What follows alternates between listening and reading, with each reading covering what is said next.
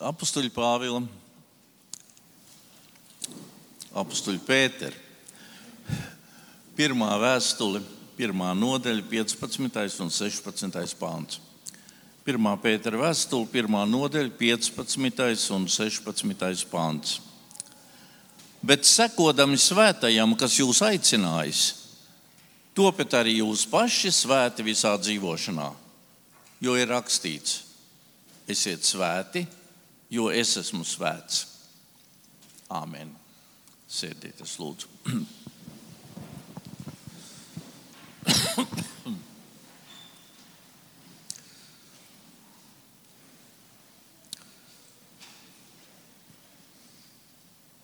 Man mīļie, Jēzus Kristus svētie. Es jūs no sirds sveicu jūsu jubilejā.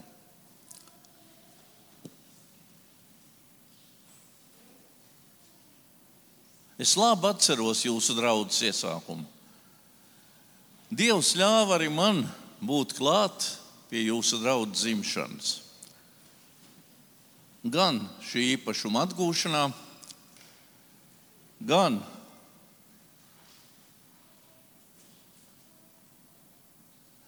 veidojot pirmos sakarus ar Richardsons draugu Amerikas Savienotajās valstīs Gan pirmās kristības šeit notika kopā ar semināru draugu. Jūs man joprojām esat mīļi.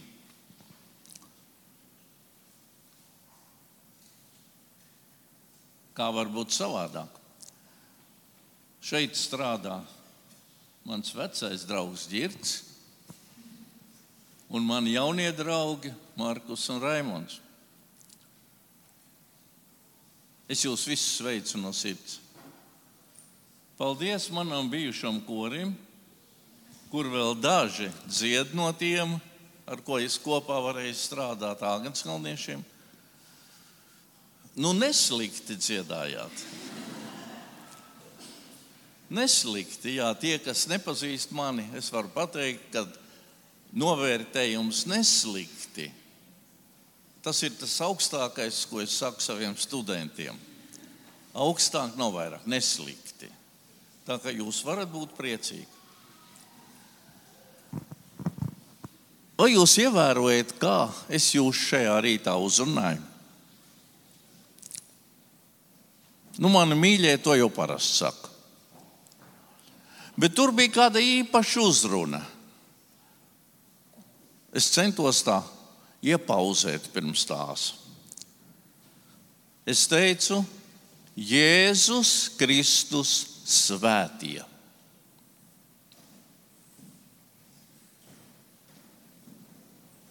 Apostols Pāvils arī gandrīz visas savas draudzes tā uzrunā. Pat draugi Korintā, kurā šķiet tā, ja mēs lasām vēstuli korintiešiem, tad tur ir pilns vesela buķete ar to, ko mēs nevaram atzīt, nevaram piekrist. Tur ir ļaunums, tur ir grēks visās jomās. Bet Pāvils rakstījams saka, Dieva draudzēji Korintā svētajiem. Un tad es varētu pārfrāzēt.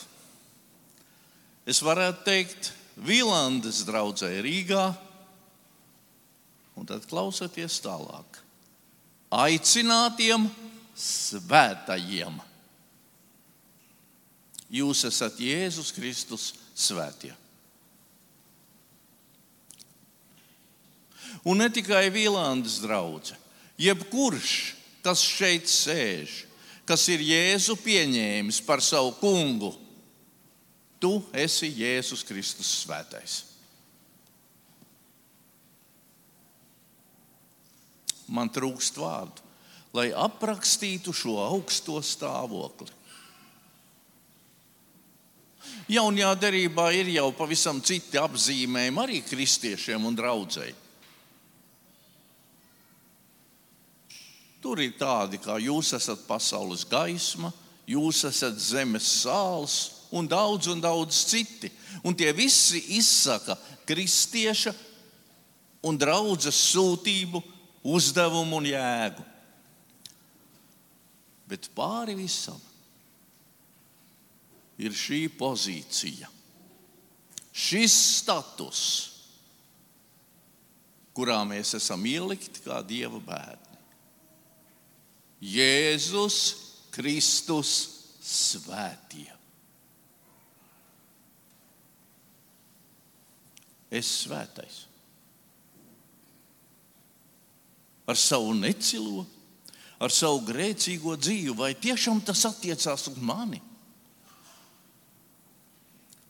Romas katoļu baznīcā ir ļoti stingri noteikumi, lai kādu cilvēku pasludinātu par svēto. Viņam ir jāatbilst kaut kādiem zināmiem kritērijiem. Bet Pāvils to nesaka par kādiem īpašiem, atsevišķiem superkristiešiem. Viņš saka to par tādiem pašiem nepilnīgiem cilvēkiem, kāds es esmu. Viņi savā ikdienā nav bez grēka. Viņi nav ētiski nevainojami. Bet viņi caur Jēzus Kristus upura pieņemšanu ir ielikti šajā augstajā statusā. Jēzus Kristus svētais. Svēto parasti attēlo bildēs ar tādu oreolu, nimbu ap galvu. Ja tā padomā, tad faktiski jau katram no mums, katram cilvēkam ir kaut kāda vai gaisma, vai tumsa, ko viņš izstaro. Zinātnieki tagad runā par biostrāvām. Mēs paši jau gribam ap sevi radīt tādu skaistāku savu tēlu. Un kristietis to mēģina darīt ar tādiem dievbijīgiem vārdiņiem, pareiziem. Bet tas mirdzums, par ko šeit runā Pāvils, Jēzus Kristus svētais. Tas mirdzums nav tavs. Tas ir Kristus mirdzums ap tavu galvu, bet nav tavs. Tie nav tavi sasniegumi. Tie nav tavi nopelni, tie nav tavi panākumi, kas tur mirdz. Kristus ir šis mirdzums. Dievišķā vāra un dievišķais mirdzums caur viņu ienāk šajā pasaulē un mūsu dzīvēm. Un mums ir daļa pie šī Kristus dievišķā mirdzuma. Mēs esam šī Kristus dievišķā mirdzuma daļiņas nesēji. Tu esi viņa svētuma nesējs. Tu esi iezīmēts. Par draugu varētu teikt to pašu. Tā ir Kristus īpašums. Tā, tā ir Kristus mandāts. Tā ir svēta. Ne savu nopelnu dēļ, Kristus dēļ. Jūs esat īpaši ļaudis, kādas īpašas gaismas apspīdēti kādā īpašā dievišķā noslēpumā ietīti. Parasti cilvēki.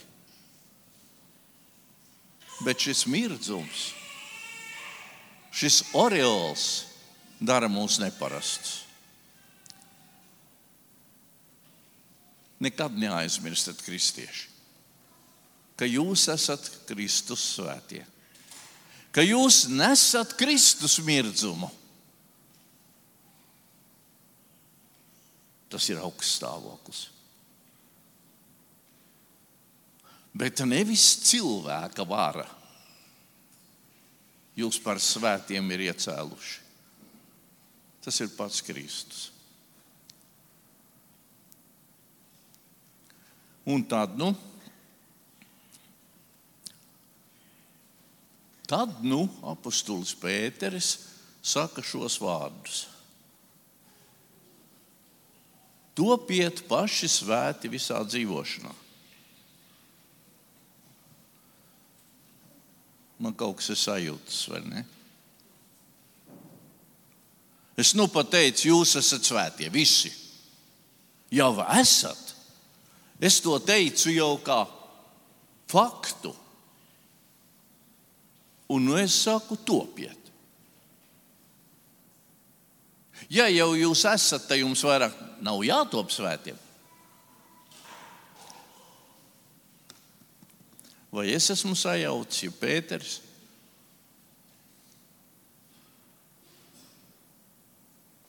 Jā, jā, Pēters grib teikt. Pēc sava statusa jūs esat svētie.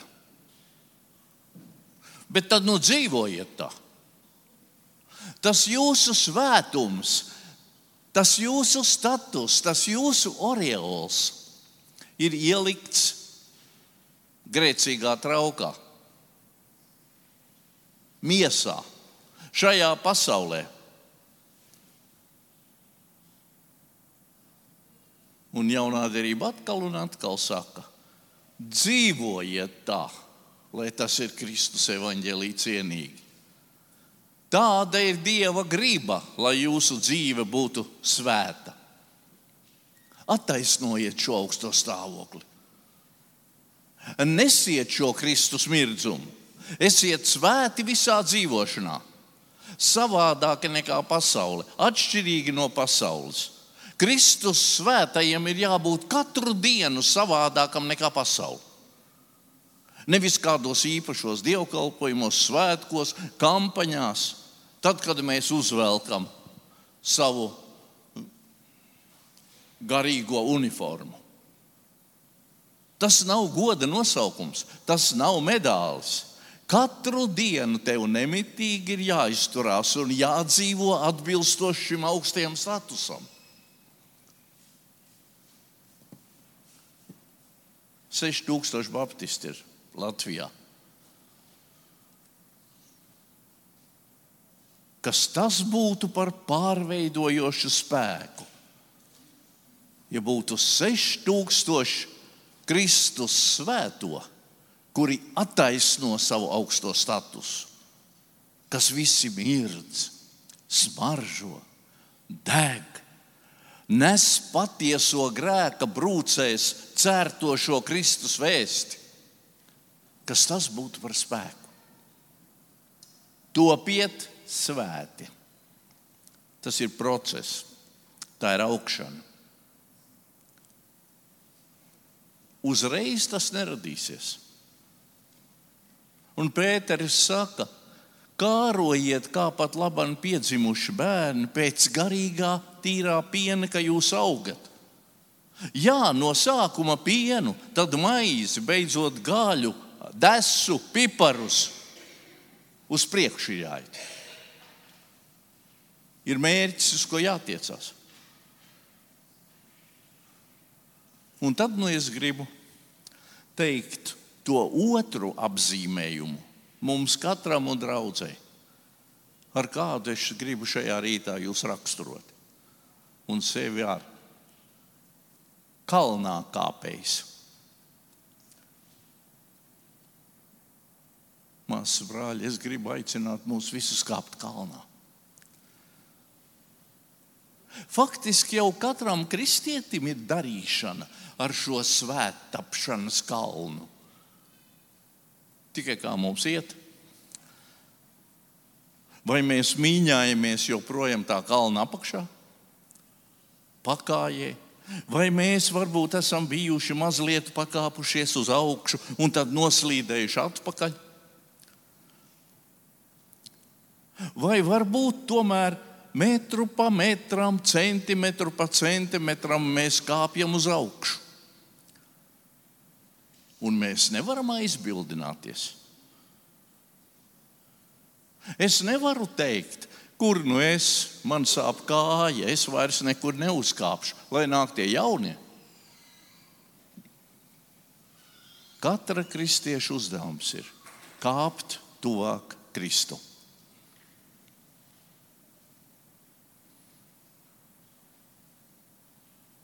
Tas ir tas, ko mēs savā attiecībās ar Dievu izsakām dziļāk, tuvāk, nest augļus, pieaugt un ar dažādiem citiem vārdiem. Kalns mūsu priekšā ir. Vilandieši 25 gadi nav nekas. Tas ir tikai tāds sākums. Lai gan viens no maniem daudziem radiniekiem, Miķels, teica, ka viņš ir ap to laiku piedzimis. 25 gadu manā dzīvē arī tāds ļoti iezīmīgs. Šogad būs. Nē, es esmu piedzimis ātrāk, nesmaidi. Bet 25 gadi šajā gadā paiet kopš es varu šo cauri šai dzīvei un šajā svētapšanas kalnā kāpt augšā kopā ar savu dzīves biedru, savu mīļo sieviņu. Pasaule ar mums piedāvā daudz dažādus kalnus. Un tajos kalnos, ko piedāvā pasaule, ir arī ļoti vērtīgi kalni. Tādi, kurā mums vajadzētu kaut mazliet pakāpties. Nu, piemēram, zināšanu kalns. Un tad nu, mēs katrs savā dzīvē esam izvēles priekšā. Jo to kalnu ir tik daudz, ka mēs visos uzkāpt savā mūžā nevarēsim un mums vajadzēs izšķirties, kurš ir tas vērtīgais, kurā kāpt un no kuriem atsacīties. Bet svētapšanas kalnā katram kristietim noteikti ir jākāp. Padomāsim, kādos kalnos mēs kāpjam. Katrs savā dzīvēm.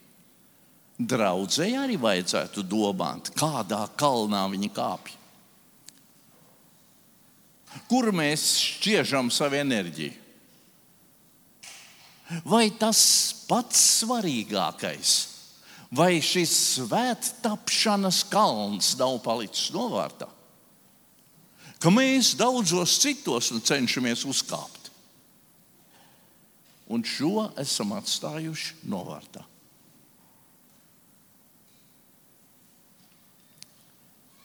Kāpjot šajā kalnā, mēs Dievu ieraudzīsim pavisam savādāk, daudz brīnišķīgākā gaismā.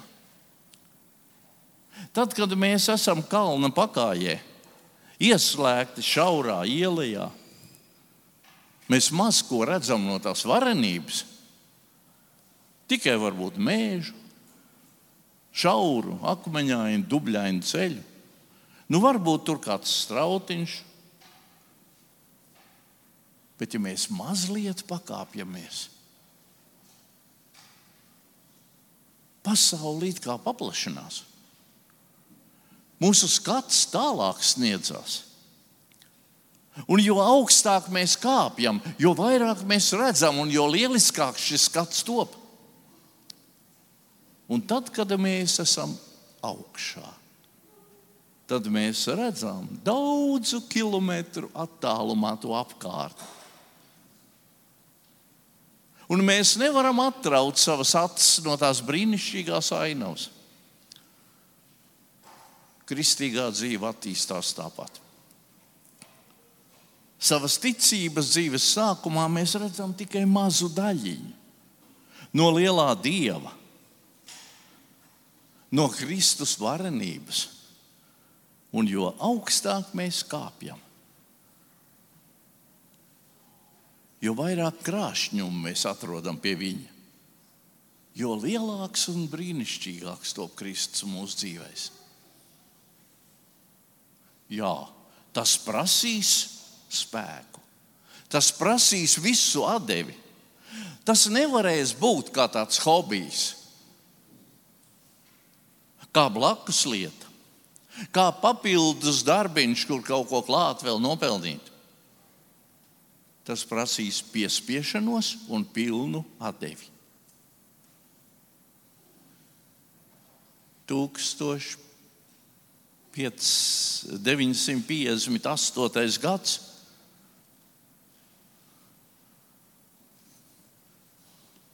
Alpinistu pavadonis, Tibetietis Tenzings Norgais uzkāpa šīs pasaules augstākajā virsotnē, Everestā. 8800 un vēl metri. Septiņas reizes viņš jau bija mēģinājis to izdarīt ar dažādām ekspedīcijām, bez panākumiem. Un tad viņš sasniedz šo virsotni. Un vēlāk viņš raksta, jo augstāk es kāpu, jo sīkākas apakšā palika sāģes, mājas un citas lietas Bet, bet mūsu skats pie tām ilgi nekavējās. Mūsu skats katru vakaru un katru rītu bija pievērsts tai virsotnē. Tam Everestam.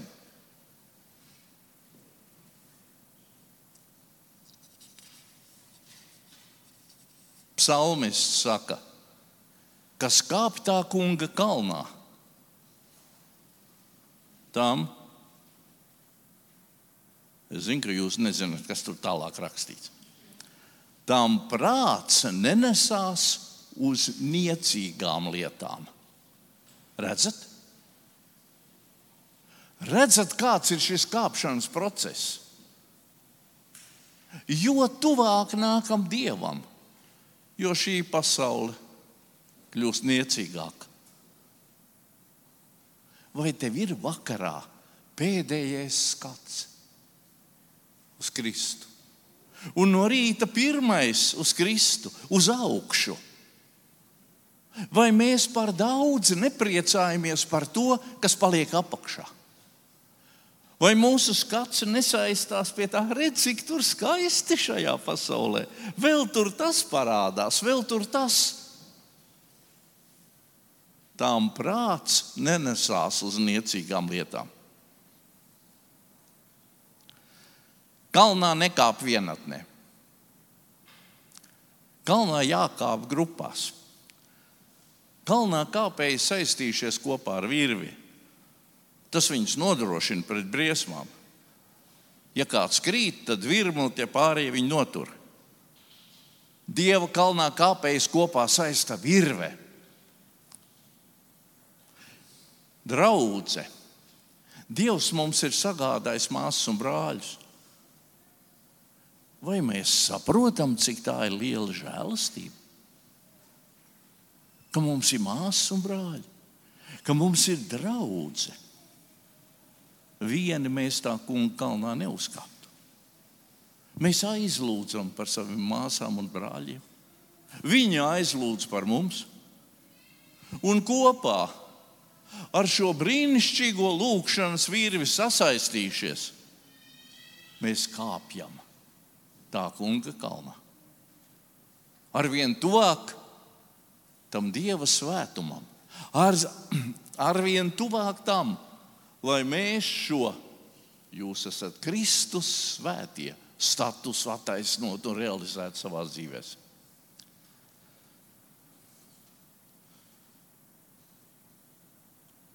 Jūs gribat kādu piemēru? Redzat, tas pats Pēters. Tajā pašā vēstulē, tur tālāk, trešajā nodaļā saka, svētījiet, jo uz to jūs esat aicināti.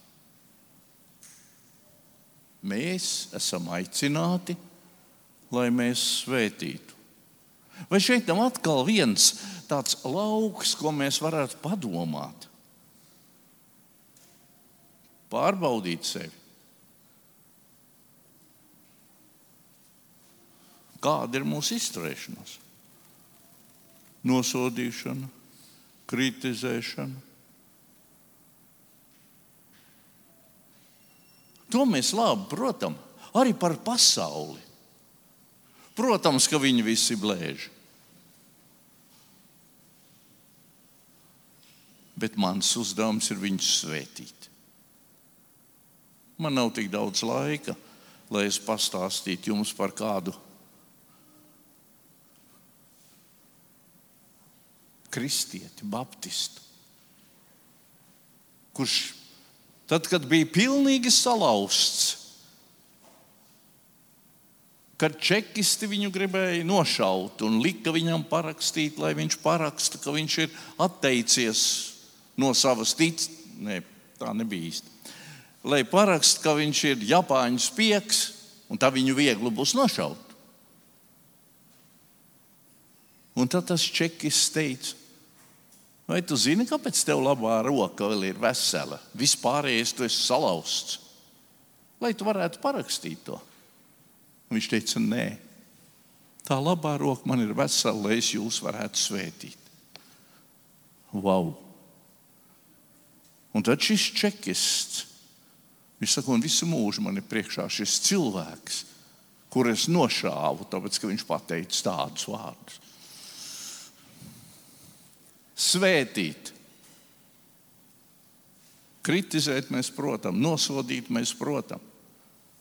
Bet vai mēs varam svētīt tos, kas mums nepatīk? Tos nemīļos, ne tikai tos savus mīļos brāļus. Redzat, varbūt tas ir kāds rādītājs, ka mēs nemaz necik augstu neesam uzkāpuši tajā svētāpšanas kalnā nenovērtēsim par zemu draugu. Draudz nav interešu klubs. Tā ir svēta vieta. Un kā svētumam mums ir jātuvojas draudzē. Mēs kaut kur to esam pazaudējuši šodien.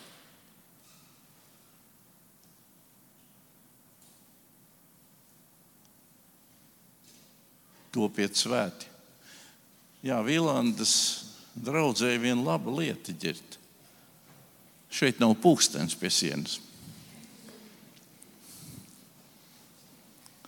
Topiet svēti. Tas nozīmē, mēs nevaram apiet šo jēdzienu grēks. Mēs nevaram apiet svētāpšanas procesā cīņu pret grēku. Jo svētums ir praktiska lieta, ziniet. Tas nav kaut kas abstrakts. Svētums nav tikai garīgs pārdoms, svētums nav runāšana par Dievu. Svētums ir prakse. Tā ir svēta dzīvošana.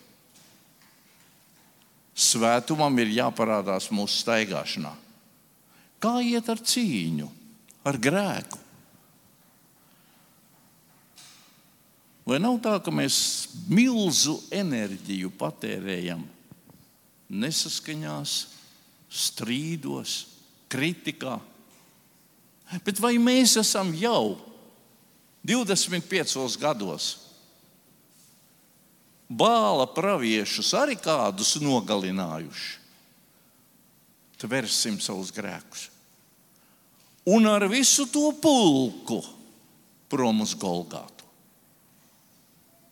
visa pārējā darbošanās, draudzes darbošanās, kristieša darbošanās, visa pārējā darbošanās ir laba, bet otršķirīga.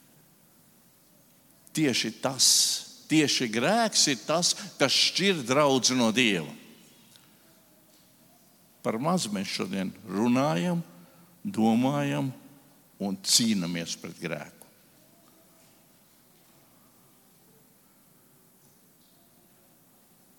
Cik tālu es esmu ticis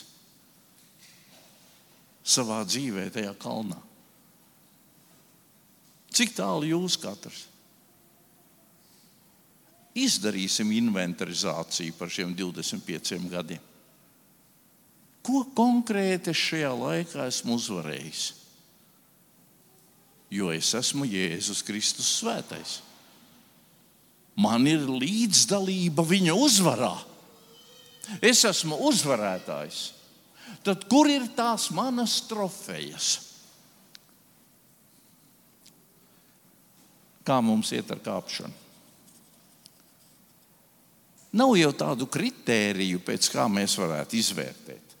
Mazam bērnam tur ir tie, kas skraida. Mēs zinām, ka tad, kad viņam būs tāds un tāds vecums, tad viņam vajadzētu jau mācīt staigāt. Tad, kad būtu, būs tāds vecums, tad vajadzētu runāt. Un, ja tā nav, tad mēs ceļam trauksmi. Kaut kas nav riktīgi. Tas bērns neattīstās pareizi. Vai mēs garīgā ziņā attīstāmies pareizi?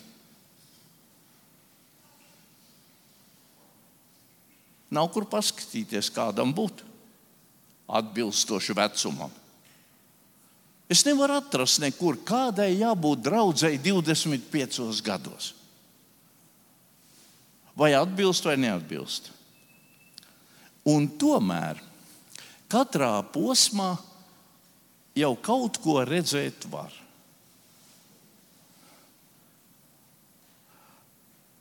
Augļu kopi jau pavasarī redz, vai ir ziedi ābelēs vai nav, vai ir aizmetņi, vai salnas nav darījuši savu postošo darbu.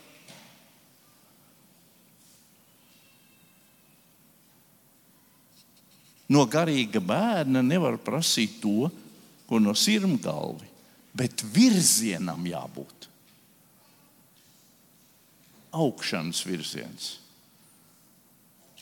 Ja šodien mēs varētu redzēt to savu garīgo briedumu, tāpat kā laicīgo, Nu, laicīgais briedums ir saskatāms. Paskatāmies cilvēku vaigā un redzam, redzam tas ir grumbains. Tā tad tas jau ir vecs. Tam seja vēl tīri glūda. Nu, tas tāds jaunāks. Ja mēs varētu tāpat saredzēt tās garīgās grumbas cilvēku vaigā,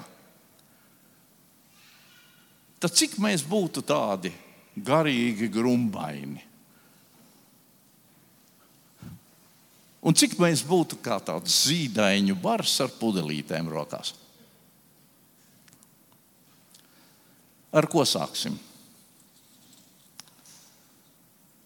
Sāksim ar divām lietām. Divām praktiskām lietām. Pirmā lieta ir gribēšana. Mācītājs Egli kādreiz Te ir daudz vēl viņa atcerās. Viņš teica tā, kristieti raksturo garīgas slāpes kāpt tā kunga kalnā. Tev ir tās garīgās slāpes. Tu daudz ko nevari izdarīt viens pats. Bet tu vari gribēt, tu vari vēlēties, tu vari kārot, Tu vari dzīties, tā ir tava daļa, to tu vari. Mēs nebūsim svēti pilnības nozīmē, nekad. Bet šīm slāpēm, šai tieksmei uz augšu ir jābūt. Apstults Jānis raksta 5. nodaļā. Jēzus tur redzēja guļam slimo pie Betesdas dīķa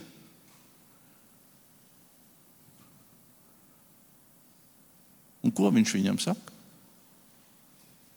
Viņš prasa, vai tu gribi vesels kļūt? Sākās ar gribēšanu. Ja tas slimais pateikt, nē, zini, es tā īsti maz negribu. Jēzus droši vien iet tālāk. Gribēšana ir pirmais. Un otra lieta Otra lieta ir paklausība.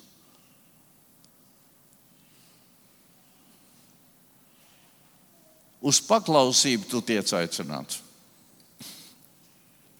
Vecā derībā arī bija dieva tauta, kur bija svēta. Viņu klupšanas akmens bija nepaklausība.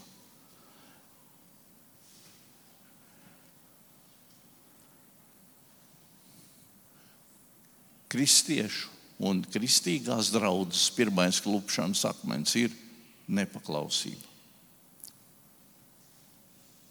Mēs dzīvi ar Kristu bieži vien iedomājamies mazliet savādāku. Mēs to iedomājamies kā tādu vienpusēju, vienpusēju ņemšanu.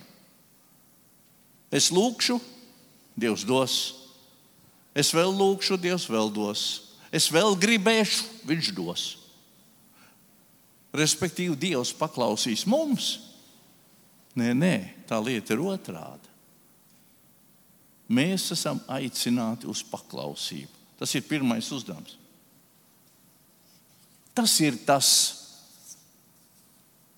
cirtnes, ar ko mēs tajā kalnā uz augšu varam pavilkties. Mēs par maz paklausām Dievam. Un nevajag attaisnoties, ka tas ir tāpēc, ka nu, cilvēciskā daba mums tāda ir. Cilvēku padomēm mēs bieži vien ļoti ātri un daudz paklausām. Tu esi aicināts uz paklausību. Pēters, profesionāls zvejnieks, noliek savu cilvēcisko loģiku, noliek profesionālo pieredzi un paklausa šķietami muļķīgam Jēzus padomam, kur ir jāmet tīkls. Un ir rezultāti. Jēzus grib mums parādīt, kas ir tas, kas kavē vilkt tos pilnos tīklus, kas kavē mums tos garīgos augļus nobriedināt kas kavē kalnā augstāk tikt. Mūsu uzdevums ir paklausīt. Kungs, es nespēju palikt tev uzticīgs. Es pats grēku uzvarēt nevaru, bet es gribu tev paklausīt. Tu esi Jēzus Kristus svētais. Tu esi kalnā kāpējs. Atceries to un ņem nopietni. Un tad kaut kas izmainīsies. Kristīgā ikdiena sāks smaržot savādāk. Tā ticība iedegsies jaunās liesmās. Un cik brīnišķīgi, ka mums nav jādomā, kas ir pareizi, kas nav pareizi. Kristus mums to ir parādījis. Kristus ir parādījis, kāds izskatās šis viņa svētuma mirdzums. Bet ar teoriju vien nepietiek. Ir jākāp augstāk.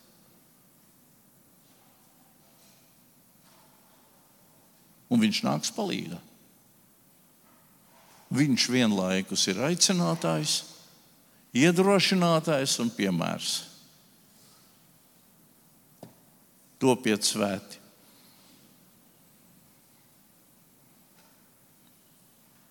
Tur vēl ir tāls ceļš ejams gan mums, gan draudzē. Mainieties uz augšu. Nestāviet uz vietas, kāpiet kalnā. To es novēlu jums nākamajiem 25 gadiem. Es ceru, jūs man paaicināsiet uz 50 gadu jubileju. Smējieties! Vienalga es uz jums skatīšos. Un tad, kad tiksimies nākamajā reizē, kaut mēs visi būtu kaut par vienu milimetru uz augšu pakāpšies.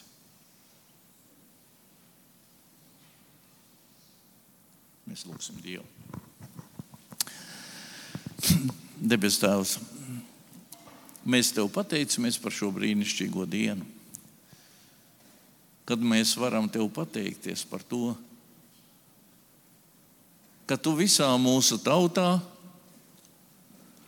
un arī šajā vietā darīji savu brīnumu. Ka tad, kad mēs domājam,